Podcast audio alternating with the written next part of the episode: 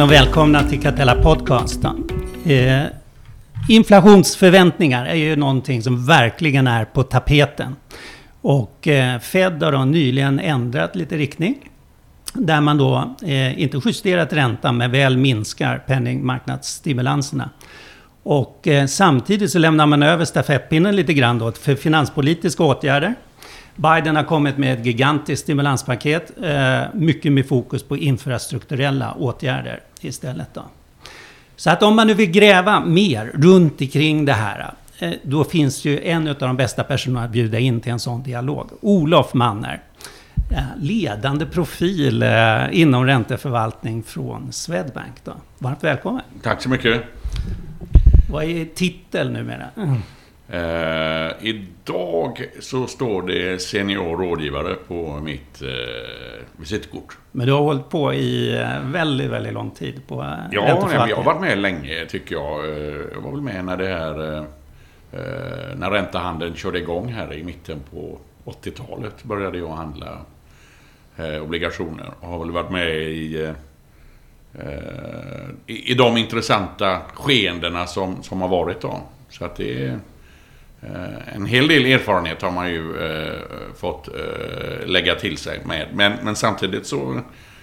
Eh, den har inte varit sådär jättemycket värd de sista sju, åtta åren. För det kommer ju alltid något nytt. Ja, men det får vi se. Eh, det kan ju visa sig då. Jag tror det är en god anledning till att vi är här också. Att det är erfarenhet som kan behövas just när eh, vi har stora förändringar i marknaden. Och så ser det väl ändå ut att bli. Det är någon form av skifte på gång i alla fall. Eh, med mig har jag också Stefan Wigsten, kollega, ränteförvaltare. Du sköter det mesta av vår ränteförvaltning, både i inriktade fonder, tre stycken, och i hedgen. Ja, det stämmer. Och vi har för övrigt varit kollegor kan jag säga då. Eh, jag har ju varit kollegor med de flesta i, i, i, i räntebranschen. Men, men eh, eh, vi har varit kollegor och kamperat ihop. Det, ja, det stämmer. Öhman, va? Ja. ja. En av de första företagsobligationsfonderna som drogs igång där. Ja, det gjorde vi tillsammans faktiskt. När vi, vi var lite föregångare där. Ja, absolut. Visst var vi det. Toppen! Innan vi drar igång på allvar så måste jag bara påminna om att investeringar i värdepapper naturligtvis kan gå eh, eh, såväl upp som ner. Det finns inga garantier för historisk avkastning. Skulle kunna visa något om framtida avkastning. Och så är det som alltid förenat med risk att investera i värdepapper. Och du skulle i värsta fall kunna förlora hela det insatta kapitalet. Så då vet vi det då. Eh, nu är väl inte det så vanligt på räntesidan att man förlorar hela det insatta kapitalet. Du brukar prata om att Micke, för tusan, eh, det här är, är ju som en kontraktuell avkastning, Stefan. Det brukar du säga. Ja, det, det, är lite, då småluras jag ju lite grann förstås. Men, men det låter ju bra. men, men, det är det ju. Det, det är ett bra ord tycker jag. Alltså, det är en skillnad mot börsen. Där är det så att du då går in med förväntningar och förhoppningar om saker och ting då, och, och prognostiserar bäst möjligt. Men här är det ett kontrakt som reglerar hela ditt avtal om ja. vad du ska få i avkastning. Då. Ja, det beror ju på hur hårt man vill spänna bågen förstås. Men, men eh, visst är det ju så i allt väsentligt. Sen är det frågan om hur stor den där hur stor den där vinsten blir på kontraktet eller... Nej, för det mm. finns ju alltid en möjlighet att man mm. inte fullföljer avtalet. Då, men då finns även det reglerat ja. i avtalet, vad som ska ske i, i så fall. Då. Låt oss komma tillbaks mer till det då. Eh, vi har ju en, ett visst tryck utav inflation ändå just nu. Och Fed säger att det här är transitional, eh, det vill säga övergående karaktär och det är lite brist på halvledare. Det är chokat i transportleden och vi ser fraktraterna är på eh, många gånger högre priser än vad de har varit historiskt, i synnerhet inom containersidan och så vidare. Så det är ju ett tryck där, ett uppdämt behov efter då problematik i mars 2020. Eh, och det saknas lite. Men är det transitional? Vad tror du, eh, Olof? Ja, men de, de delarna som du har varit inne på, eh, de är nog till stor del övergående. Eh, transportproblemen kommer man ju att lösa så småningom. Eh, råvarupriserna eh, tror jag också är en effekt utav en, en eh, extrem nysläppt efterfrågan. Eh, som då i kombination med eh, komponentbrister och transportproblem har liksom dragit iväg. det där tror jag kommer att falla tillbaka. Men vad som är intressant är väl dels om man tittar då på eh, lönesidan. Eh, det kom ju eh, väldigt starka eh, arbetsmarknadssiffror från USA i fredags. Eh, nu gick ju inte räntorna eh, som man hade trott då. De gick ner? Ja, räntorna gick ner. Men det, beror, det var eh, av marknadstekniska orsaker. Det var, eh, ska jag vilja säga, helt enkelt för många som låg för en ränteuppgång. Och eh, så fick man inte det momentum som man hade väntat på. Och så valde man att plocka hem vinsterna istället. Så man ska inte läsa in någonting annat i, i, i det. Det var väldigt starka arbetsmarknadssiffror. Och hur det här så att säga rinner ut i eventuella löneökningar är någonting som Fed eh, verkligen är, är intresserad utav och, och tittar på väldigt noga. Och vi ser också på eh, europeisk arbetsmarknad att det har börjat röra på sig lite. Man har börjat strejka på sina håll i Tyskland. Eh, I USA har man också haft eh, strejker och så vidare. Och, på hemmamarknaden så ser vi sjuksköterskorna som ställer nya ja, men krav. Det kommer lite granna. Och, och det, lönerna om de stiger, det är någonting som kan få inflationen att lägga sig på en högre eh, nivå under en längre tid. Det är ju det ena. Och sen vill jag också höja ett varningens finger då för företagens prisplaner. När man eh, intervjuar företagen så säger ju väldigt många att de har för avsikt att höja priserna nu och kanske sex månader framåt. Det här är ju fortfarande en inflation som inte har kommit till oss och som på något vis då kan balansera eh, den här eh, inflationen som vi pratade om tidigare som beror på liksom, eh, postpandemieffekter. Ja. Eh, och då kanske inte inflationen faller så mycket som centralbankerna har sagt att, den, att de tror att den ska göra. Det vill säga den här transitional-effekten eh, är längre än vad man ja, tror. Ja, den övergår istället i en annan sorts inflation. Och det är det här som gör att de nästa 68 månaderna är extremt intressanta, tycker jag. Det är som moms då, lite grann. Det var också tillfälligt. Ja. Och det här med tillfälligt. Jag brukar säga så här att även istiden var ju tillfällig på sin tid. Va? Det är liksom, eh, allting är ju bara fråga om perspektiv. Ja. Men att det är lite tryck på lönerna, det är väl egentligen inget annat att vänta. Alltså, vi har ju haft en produktivitetsökning under lång tid, då, men det är ju mest aktieägarna som tagit del av den och arbetstagarna har inte alls fått samma andel utav eh, den tillväxten och som vi har det är haft. inte bara på eh, produktivitetsaspekten utan eh, en konsekvens utav de här extremt låga räntorna och de här tillgångsköpen som centralbankerna har ägnat sig åt nu under lång tid gör ju också att förmögenhetsskillnaden har ökat dramatiskt. Eh, det är ju egentligen bara människor som har ett finansiellt sparande eller äger sitt boende som har kunnat ta del av de här enorma prisökningarna.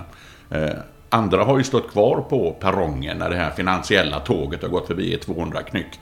Och nu verkar det eh, inom det politiska etablissemanget så hör man signaler om att det måste ske någon form av utjämning i det här. Och det verkar också finnas en acceptans i många samhällen för att eh, eh, man behöver se över det här och jämna ut det på något sätt. Då. Det här har vi ju diskuterat här i poddarna högre tidigare. Högre kan ju vara ett sånt sätt. Mm, eh, en del just runt omkring det fenomenet att riksbankerna har egentligen gjort en, en förmögenhetsförflyttning som inte något politiskt parti riktigt har klarat av. Det. Men eh, det har ju också skuldsatt en hel del. En stor grupp då, som egentligen inte hade några tillgångar har ju istället lånat för att det var så billigt. Och, och, så har vi fått en ökad skuldsättning. Klarar man det där då, tror du, genom att man, man måste helt enkelt göra skattetransfereringar på något sätt? Då, eller? Jag kan ju svara kort innan jag bjuder in eh, Stefan. nej, men jag ska ju vara lite balans här. Och, nej, men, just skuldsättningen så, så kan man konstatera då att skulderna globalt har ju aldrig varit högre. Nej. Sen är de olika höga inom olika sektorer i olika länder. Vissa länder har en väldigt hög statsskuld. Eh, andra länder har en väldigt hög skuld på företagssidan. Eh, eller har givit ut väldigt mycket obligationer. Andra länder, som typ Sverige, har ju en väldigt hög eh, skuldsättning på, eh, bland invånarna. Och det är klart att eh, om räntor av den ena eller den andra anledningen eh, börjar röra sig uppåt i en ekonomi där hushållen är väldigt skuldsatta. Ja, erfarenheten visar ju att man gör ju rätt för sig så länge man kan. Man betalar sina räntor, men till priset av att konsumtionen faller. För det är ju disponibelinkomsten som liksom, eh, det är ju den man får använda. Och om en större andel går till räntebetalningar, ja, då har man mindre till konsumtion. Och konsumtionen är ju trots allt drivande i den svenska tillväxten, både i nedgångar och uppgångar. Yeah. Och det här är ju någonting som är, kan vara besvärligt för centralbankerna att parera. För jag tror att de är väldigt medvetna om hur skuldsättningsgraden slår på konsumtionen. Ja, i allra högsta grad.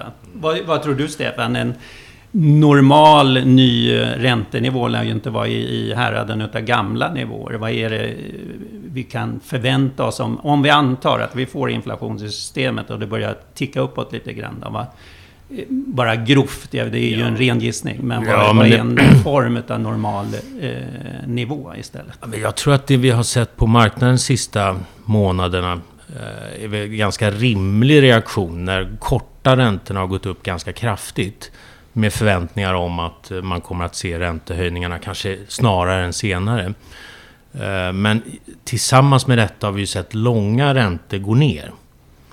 Eh, så man har alltså sett en flackning av den här räntekurvan och det, det tror jag nog speglar... Då tror man inte på inflation på lång sikt? Mm. Ja, alltså det kan mycket väl vara så att um, man ser en förhöjd inflation men, men eh, jag tror att man är nog mer och mer orolig för tillväxten. Och då, just därför ser man då den här tendensen till flackning. Och det, det är väl lite oroväckande kanske för, för, vissa typer av investeringar naturligtvis. Om, man, om, man har, om det sen övergår i, i, i, eh, i någonting annat. Men för att svara på frågan. Ja men det är klart att eh, Riksbanken kommer höja räntan. Och det är ju bara en fråga om när de ska göra det. Ja. Det, det, det tror jag alla är helt eh, på det klara med. Med tanke på var inflationen ligger idag.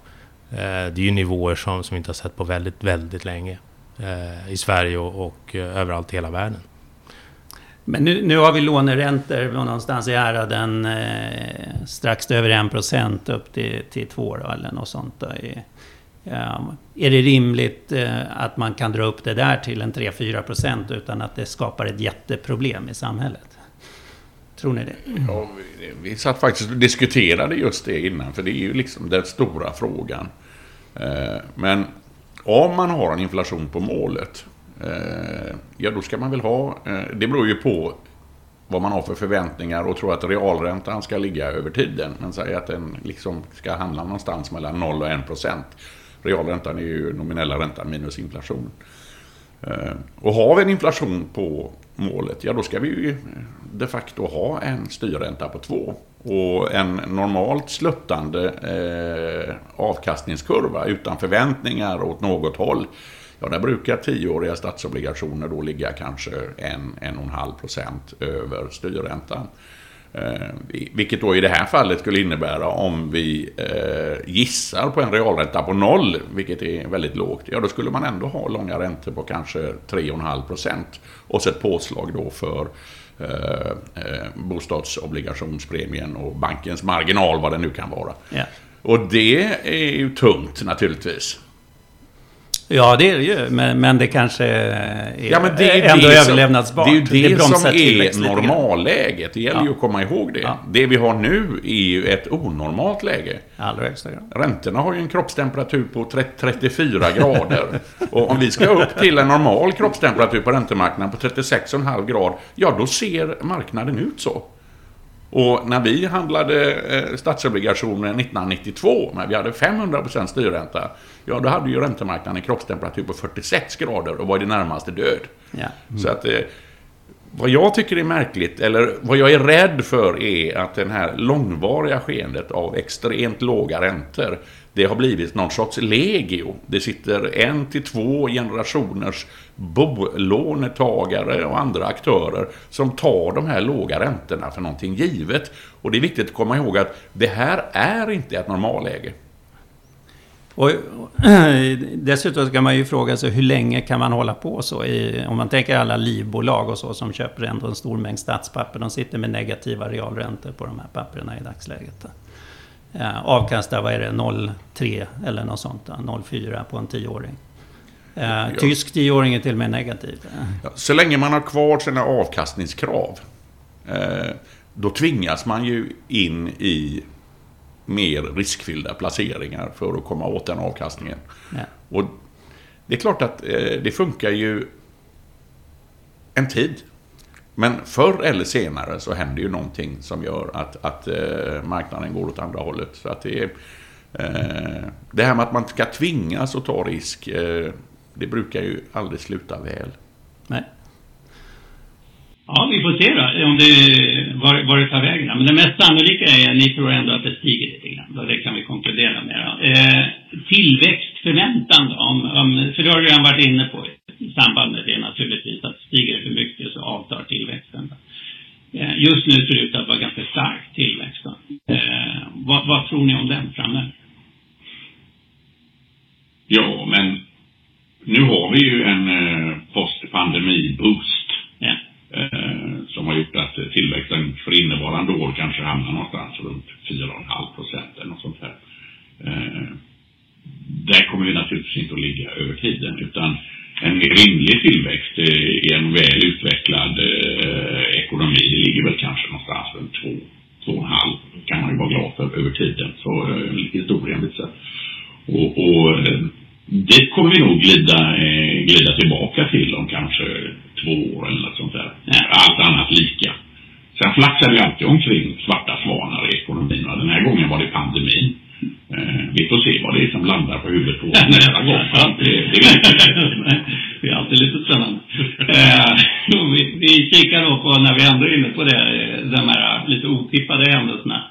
För det är ju inom, när man lånar ut pengar så kan det ju uppstå ändå att man inte får tillbaka dem som vi nämnde inledningsvis. Och då har vi mängden konkurser, det har vi touchat förut, det är extremt lågt. Då. Eh, och går inte till konkurs så är det defaults. Eh, där eh, en rekonstruktion helt enkelt utav något slag. Men det är, det är en låg mängd fortsatt. Vi har inte sett något. Och, och om vi nu tror på en eh, tillväxtboost ett tag till och, och fortsatt relativt låga räntor, även om de stiger lite, antar vi att det fortsätter vara ganska låga nivåer på konkursmängd och default. Ja, i kapitalmarknaden så har vi ju upplevt väldigt få eh, konkurser eller default som du säger. Eh, och det, det, var väl ingen som kanske trodde det när den här pandemin bröt ut utan man var ju väldigt eh, bekymrad och, och orolig för just konkurser. Men, men det koncentrerade sig bara till flygresande och turistnäring i största allmänhet, hotellrörelse och liknande. Eh, det smittade inte alls in i i det som vi kanske här i Sverige var lite extra oroliga för, kommersiella fastigheter. Eh, utan det verkar ha, fungerat eh, så här långt i alla fall väldigt väl. Um, så det, det var förvånande. Inga problem överhuvudtaget i, i de företag som, som vi investerar i då från Tittar man på stora senaste det är ju framförallt efter marshistorien då som det kommer då. Men SAS har gjort Eh, en rekonstruktion. Vi ser även naturligt inom Norwegian. Eh, Likaså eh, Carbon Online har varit ganska stort då. Och Eniro är väl sådana som är inom den senaste tiden i alla fall har varit större depots. Mm. Uh, ganska branschspecifikt ändå, i synnerhet flyg. Va? Mm, det får man ju säga. Eh, men det har inte smittat ut i, i de övriga näringarna direkt. Utan in, inte det som når kapitalmarknaden. Sen finns det ju naturligtvis mer lite mindre företag som, som uh, där det kan finnas en större mängd konkurser. Och det, ja, det tittar man på siffrorna över konkursmängd så har de ändå ökat en del. Ja. Lite grann. Ja. Um, om, om vi kikar då på amerikanska åtgärderna som jag sa, lite finanspolitisk stimulans. Då. Eh, Fed har signalerat att man skulle tidigare lägga avveckling av obligationsköp och så verkställde man det nu då eh, och drog igång där. Och du skrev ett, ett, ett eh, eller i alla fall hade ett citat runt omkring i, i tidningen som jag fångade, det var lite kul. Centralbankerna lär krypa som en snigel på ett rakblad innan de trappar ner obligationsköpen. Eller, och eller höjer räntan. Ja, jo men det skrev jag. Och, och, och det det gör ju många centralbanker idag. Det är liksom eh, först så, så var det det här med att inflationen skulle vara övergående. Nu har den liksom visat sig eh, bita sig fast och, och faktiskt då i det amerikanska fallet ligga kvar på en envist hög nivå under ganska lång tid. Eh, Och sen tycker jag det är, är viktigt att komma ihåg då att vi pratar ju fortfarande om en nedtrappning av obligationsköpen. Alltså ja. man fortsätter att stimulera. Eh, det är som en bil som går i 90 kilometer i timmen och så bromsar man till 70. Och så småningom så kanske bilen stoppar, men ingen centralbank har ju väldigt bråttom att backa bilen. Det vill säga dra ner på balansräkningarna, låta eh, obligationerna gå till förfall och sen dra in motsvarande likviditet från marknaden. Dit är det ju långt. Det är ju då först som ekonomin börjar kontrahera. Så att det är viktigt att komma ihåg att trots att man då börjar trappa ner eh, eh, tillgångsköpen så kommer det ju fortfarande nya pengar in i systemet. Det är bara inte lika mycket som förut, så det är fortfarande en expansiv eh, penningpolitik Den är bara mindre expansiv. Ja. Och, och, det är viktigt att komma ihåg det här. Det är inte åtstramande i den meningen. Den är bara mindre expansiv. Och, och det är dessutom bara eh, eh den amerikanska centralbanken eh, of England tror jag, ECB har inte gett några stora signaler på att göra någonting. Eh, och Riksbanken tror jag kommer att börja dra ner på tillgångsköpen också här. Men jag, jag vill verkligen poängtera att det här är ju en fortsatt expansiv penningpolitik. Ja, det är inte krympa balansräkningen. Nej, det är det inte. Och det, det, det är då... Balansräkningen är någonstans gång tre till fem gånger så stora som de var före finanskrisen. Ja, det är de absolut. Och, och ehm, jag menar, det är ju det, är det långsiktiga, det tar lika lång tid att dra ner på balansräkningarna som det har tagit att bygga upp dem. Vad vet jag? Fed testade ju i Q4 2018 att eh, kombinera både lite räntehöjning och eh, minska återköpen. Och det gick inget bra då. Eh, det backar man på rätt snabbt in i 2019. Redan Q1 tror jag man släppte på det. Ja, men det är klart att när vi har de här tillgångspriserna och eh, marknadsaktörerna ser att nu är det slut på eh, gratis bensinen.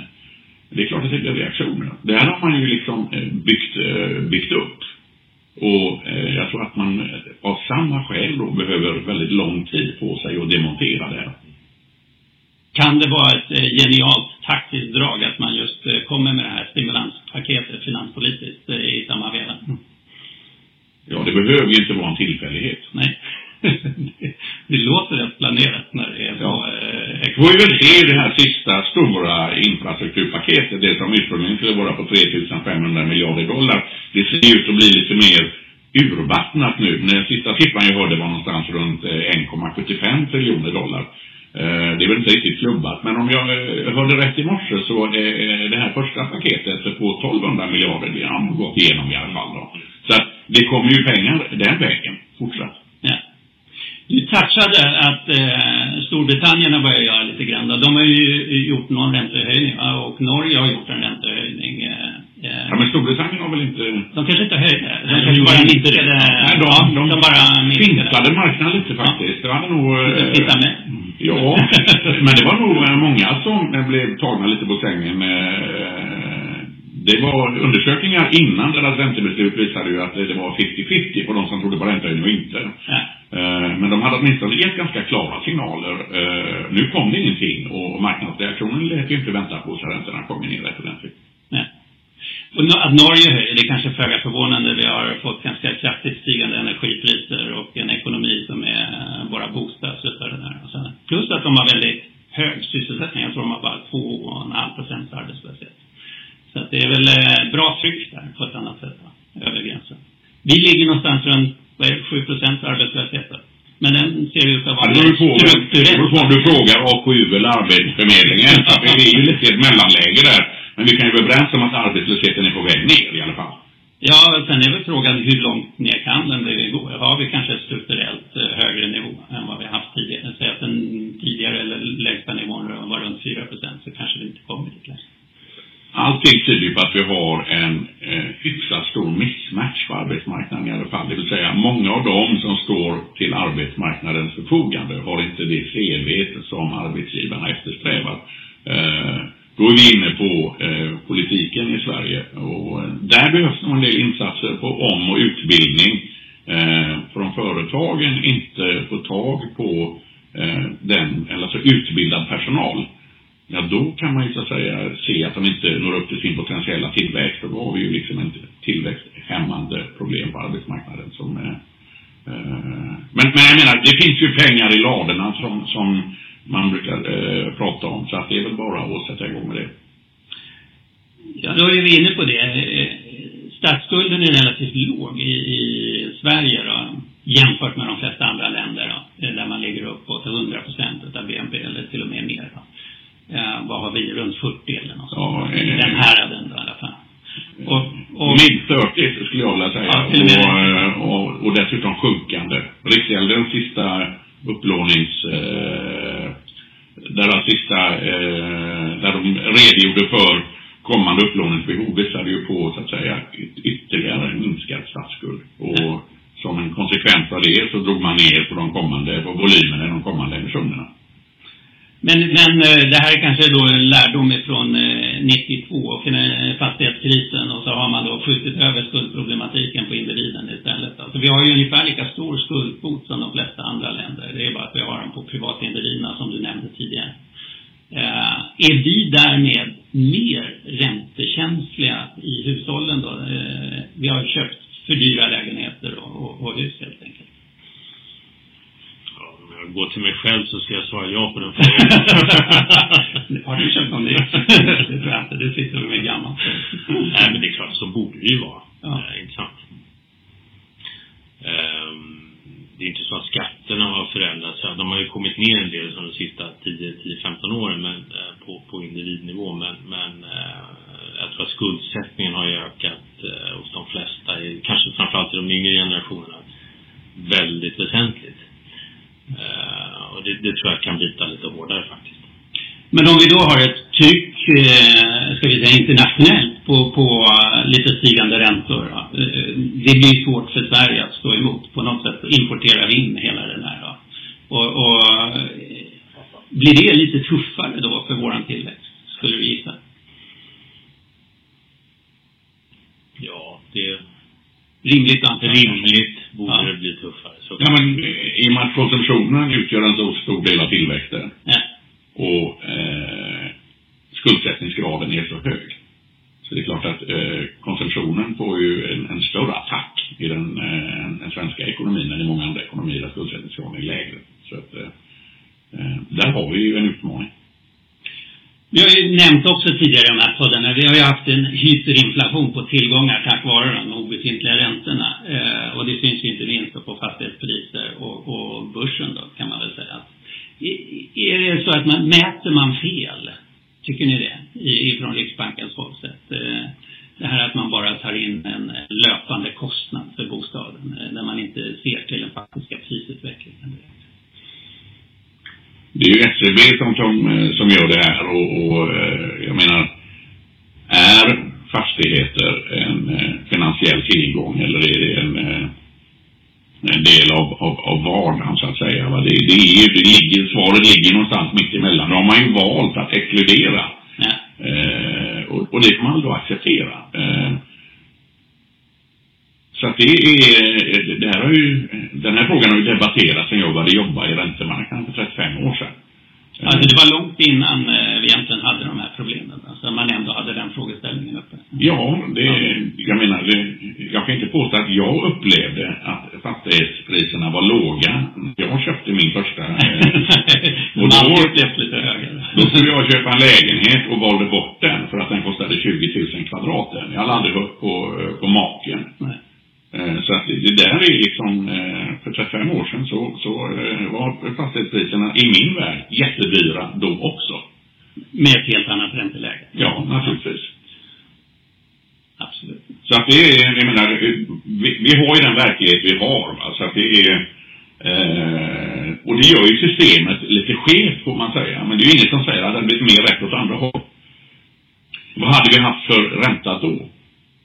Men man ser ju att det skapar ändå liksom öar utav inflation. Om man tar till exempel Silicon Valley som extremexempel. Där kan det ju kosta eh, en 70 000 i månaden att hyra en tvåa till exempel. Och det blir ju till slut omöjligt för vanliga arbetstagare att, att ta del utav det här samhället. Så. Och lite ser vi mönster av det här också. Det blir väldigt svårt för ungdomar att gå in och köpa en lägenhet i Stockholms stad och så vidare.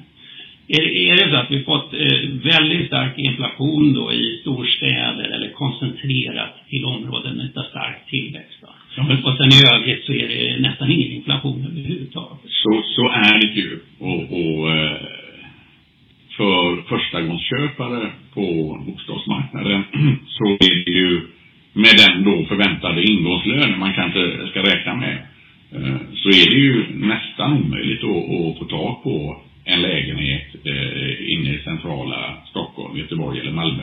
Sen kan man ju fråga sig, måste alla bo där? Det, det är ju så att säga en annan fråga. Nej. Men eh, samtidigt så eh, vad som är bekymmersamt är ju då i förlängningen att om företag då inte kan få arbetskraft för att boendet är för dyrt, ja då har vi återigen ett problem för uh, företagarna. Det här är ju liksom en minst lika viktig fråga för uh, arbetsgivarna som det är för husköparna. Ja, vi har faktiskt sett det i praktiken till och med här. Vi hade en rekrytering av en uh, ung tjej på gång. Men det gick inte för de fick ingen bostad. Nej. Vi kunde inte hjälpa till.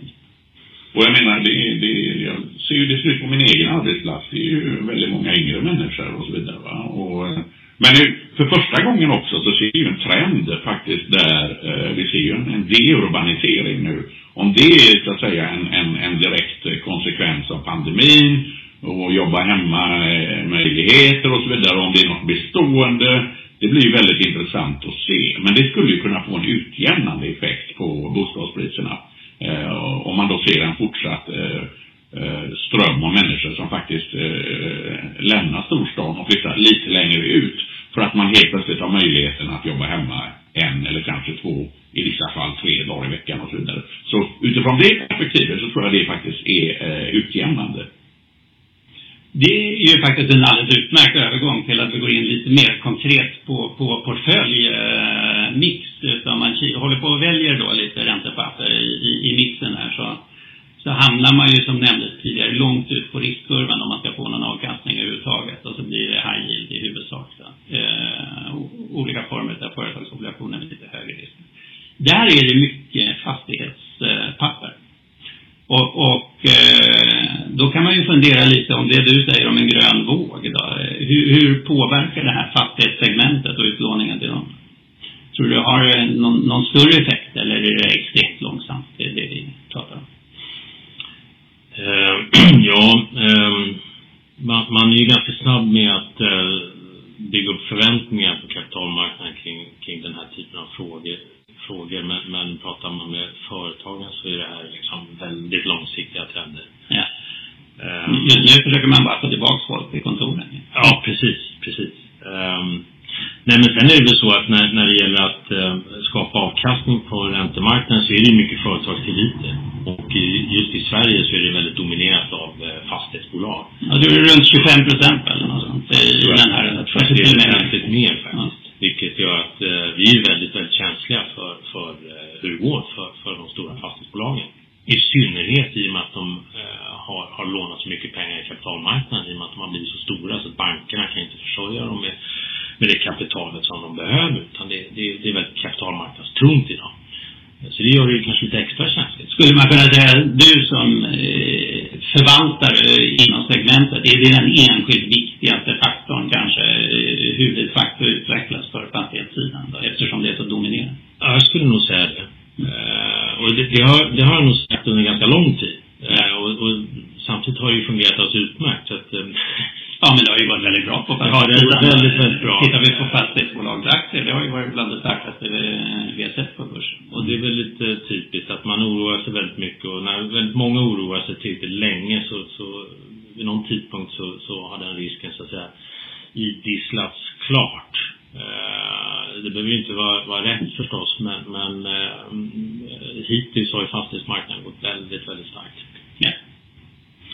Eh, övriga segment då? Vad är det du tycker är intressant att hitta? Du försöker sprida brett mellan olika sektorer. Mm. Ja, precis. Nej, men det, man, man är ju inte så bortskämd av att kunna diversifiera portföljerna om man har ett, ett nordiskt mandat. Det är ganska koncentrerat eh, framförallt i fastigheter då, som jag sa. Och allt som finns utanför fastighetssektorn är ju av intresse. Och det tror jag gäller alla. Eh, alla försöker sprida riskerna så gott det går. Eh, och, och då, gäll, då gäller det att eh, verkligen titta på allt som kommer utanför fastighetssektorn. Eh, viktigt.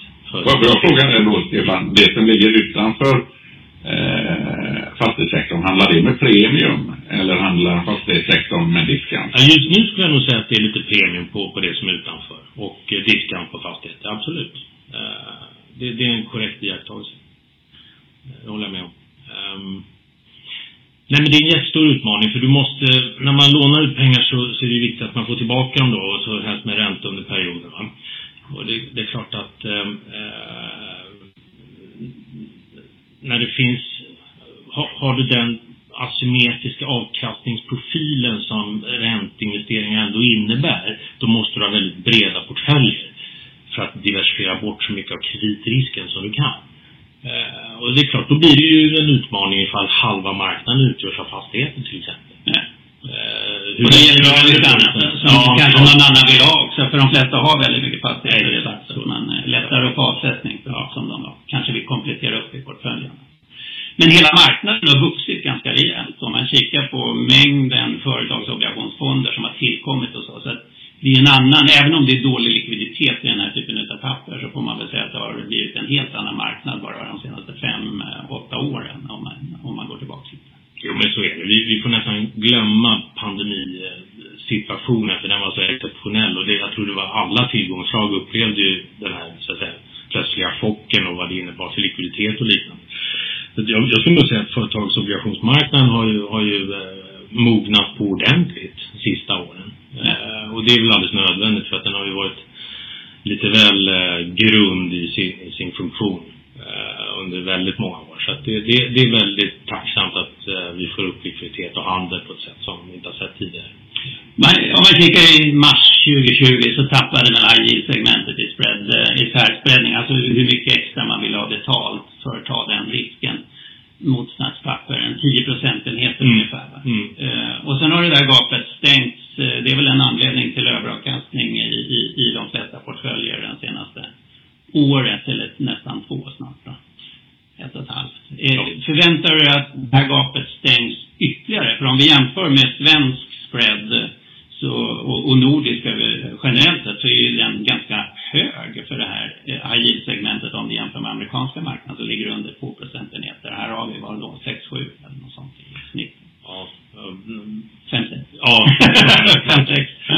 Nej men visst, det är klart att eh, nordiska företag är lite mindre och av den anledningen är de ju mer riskfyllda än kanske internationella företag. Så de får ju låna lite dyrare här i Norden. Ska alltid ha lite högre flyg. Ja, så, så ska det nog vara. Och marknaden är ju, som jag var inne på, den är ju lite, den är inte riktigt lika djup här uppe i Norden. Det är också stor skillnad mot kontinentaleuropa. Alltså det är inte ja. bara amerikanska marknaden. Nej, precis. Så att vi, vi, vi, ska ha lite högre avkastning om man investerar här i nordiska räntepapper. Det tycker jag absolut. Uh, och det har man ju. Och det har man ju fått historiskt sett också. Så det, det, det är helt korrekt.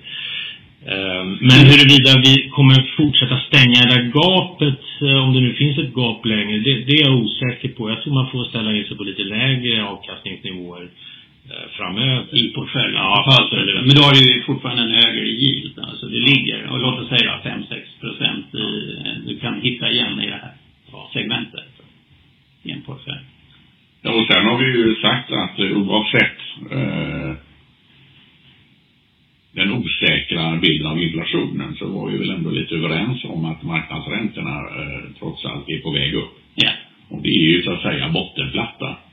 Eh, stiger den, ja, eh, företagskreditmarknaden kan hålla emot lite grann och, och spreaderna komprimeras under en period. Åtminstone har det sett ut så historiskt när jag har handlat det. Men till slut när bottenplattan liksom eh, närmar sig underifrån, ja, då sätter det sig i de övriga räntorna också.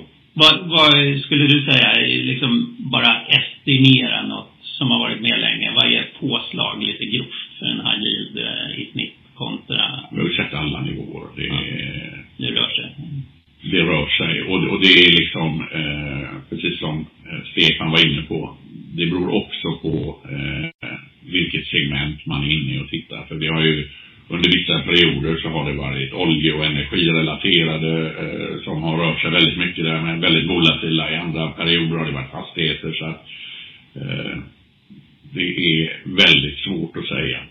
Men En sak är klar och det är väl liksom att eh, spreader idag generellt är komprimerade i den jakt på yield som har varit som en konsekvens av centralbankernas extremt generösa eller expansiva penningpolitik om man så vill. Ja.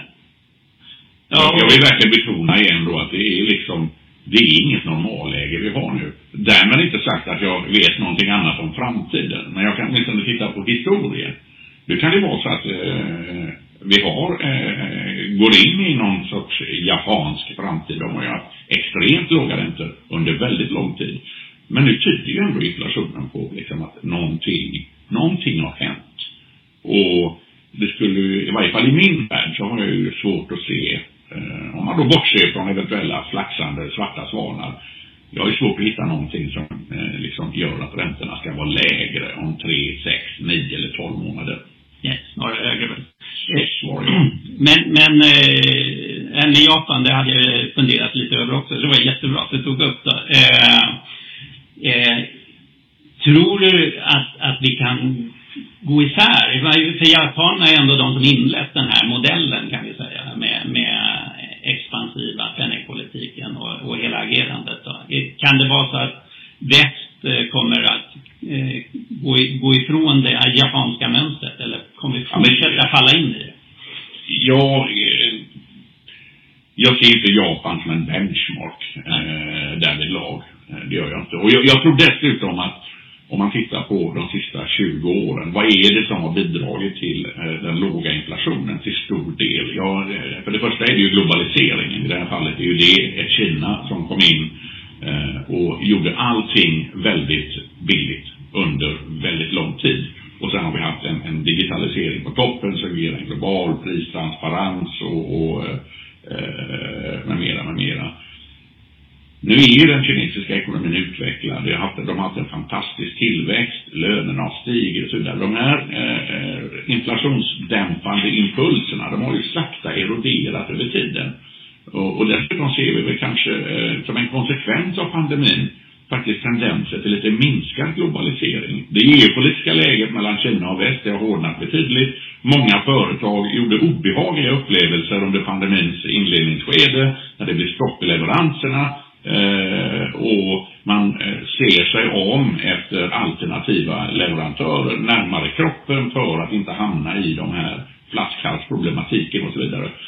Och, och sen har vi också en, en demografisk utmaning. Eh, hela eh, den sista klunsen av eh, babyboom-generationen står ju med en slägga och slår in dörren till pension idag. Och det är många som menar på att eh, det i sin tur då gör ju att löntagarna kan få eh, mer att säga till om framöver. Helt enkelt för att det blir färre eh, arbetstagare på, på marknaden. Finns det någon inflationsdrivande i sig. Ja, det finns, det finns, jag menar, i ekonomin finns det alltid två sidor. Det finns de som menar på att i och med att räntorna är så väldigt låga så måste man spara mer istället och det kommer att hålla nere räntorna. Man får se. Men jag känner väl ändå att eh, inflationen är på väg att sakta normaliseras igen. Ja. Och den här ränteuppgången som vi nu pratar om som eh, får mycket utrymme. Jag menar en svensk statsobligation, eh, vad ligger den? 0,24 en tioåring. Jag menar det är inte så jävla mycket ränta att prata om. Är, är livet svårare som eh, ränteförvaltare och, och räntestrateg i och med att fundamenta är satt ur spel? Alltså det är era gamla sanningar. Ja, men en sak måste man ju konstatera. Signalvärdet från räntemarknaden, det har ju blivit lite kickig. Ja. Eh, Riksbanken äger väl närmare någonstans mellan 40 och 50 procent av hela stocken. Riksgälden aviserar eh, lägre volymer och sen har du då alla eh, eh indexförvaltare. Det kan vara sådana här supranationals, det kan vara andra centralbanker och så vidare och pensionsstiftelser och mera som ska ha en viss mängd svenska AAA-ratade statsobligationer. Så floaten, det vill säga det som är kvar för marknadens aktörer att handla runt, den är väldigt liten. Så det är en dissonans i systemet som gör att man kanske inte kan titta på räntan och säga jaha, då borde ekonomin se ut ungefär så här. För att den eh, räntan idag är tiltad. Det finns en hand som är där inne och styr. Mm. En osynlig hand ja. som håller ner nivåerna. Mina vänner, stort tack. Det här har ju varit super, superintressant diskussion. Jag tänkte vi skulle runda av med bara sammanfatta eh, de viktigaste punkterna. Då. Du har redan nämnt det, Olof. Eh, lite lättstigande räntor eh, är det synen om eh, Ja, det är vad jag, det är vad jag tror. Och Stefan? Ja, jag säger inte emot. Nej. Eh, minskade obligationsköp från Fed, det har vi redan sett att de gör. Men du vill bara påminna om att det, det handlar ju inte om att man slutar köpa på något sätt. Nej, det kommer bara lite mindre pengar in i systemet fram tills dess att de är klara. Och eh, den här inflationen, att den är transitional eller inte, det, det kan vi konkludera med att eh, det är mest sannolikt är lite utdraget om ni gissar. Mm. Närmsta 68 månaderna, väldigt spännande eh, som ränteförvaltare skulle jag vilja säga. Spreadar, Stefan. Eh, tajtar ihop ytterligare i Norden eller inte en 12 månaders sikt? Jag tror, att de går, i, jag tror att de går isär lite. Går isär? Vad är drivkraften för det? Just det vi är Stigande räntan? Ja. ja. Så att det måste bli lite mer betalt helt enkelt. Eh, nordiska krediter ger lite högre avkastning. Kommer de då närma sig amerikanska. Men det gör de ju inte då, skulle Nej. man kunna konkludera med. Mm. Jag tror man får fortsatt lite bättre betalt i Norden jämfört med övriga världen. Så det, det, det, det är ju någonting positivt för, för oss som investerar här. Så. Tror ni att svenska börsen eh, kommer att flacka ut lite i avkastningsmässigt och att räntor blir ett intressantare alternativ i relativa termer? Tittar man på börsen sen, eh, sen i somras så har den ju faktiskt gått ganska sidledes. Ja. Så att, eh, och det tycker jag är en ganska sund eh, reaktion. Sen om eh, och samtidigt så har ju räntorna stigit, om än inte så mycket. Så vad gör man då om man börjar bli osäker? Ja, jag hade väl inte köpt i första hand långa statsobligationer om jag skulle lämna börsen. Utan kanske eh, kortare placeringar i den mån jag hade fått tag på några. Eh, Statsskuldsväxelmarknaden är ju inte den mest likvida. Eh, utan i så fall blir det frågan om kanske eh, korta AAA-ratade säkra krediter. Det är ju det stället. Jag menar, ibland efter en sån här lång period av extrem avkastning så kanske man får nöja sig med noll i avkastning ett tag över en femårsperiod så är det ju ändå en fantastisk avkastning. Men det är cashen då kan man säga. Ja, om det går till det läget. Sen är det ju liksom tillväxten är hög och det finns ju ingenting som säger liksom eh, det kanske och, och vinstestimaten från bolagen ser ju fantastiska ut. Q3-resultaten i de flesta fall var väldigt goda.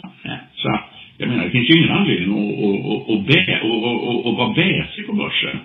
Eh, men man ska inte heller räkna med att den kommer att fortsätta i den takt den har gjort de sista, eh, de sista åren.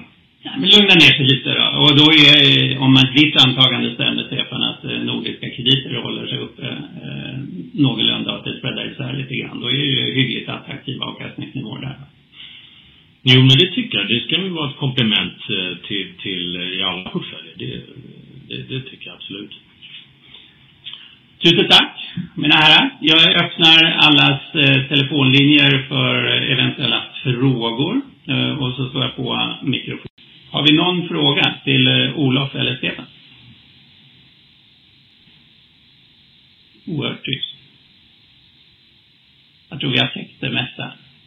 Ni är varmt välkomna att bara mejla in till mig eller så en signal eh, eller till Stefan. Och så är det frågor till Olof så vidare befordrar vi dem också. Tusen tack för att ni har lyssnat in och deltagit. Tack så mycket.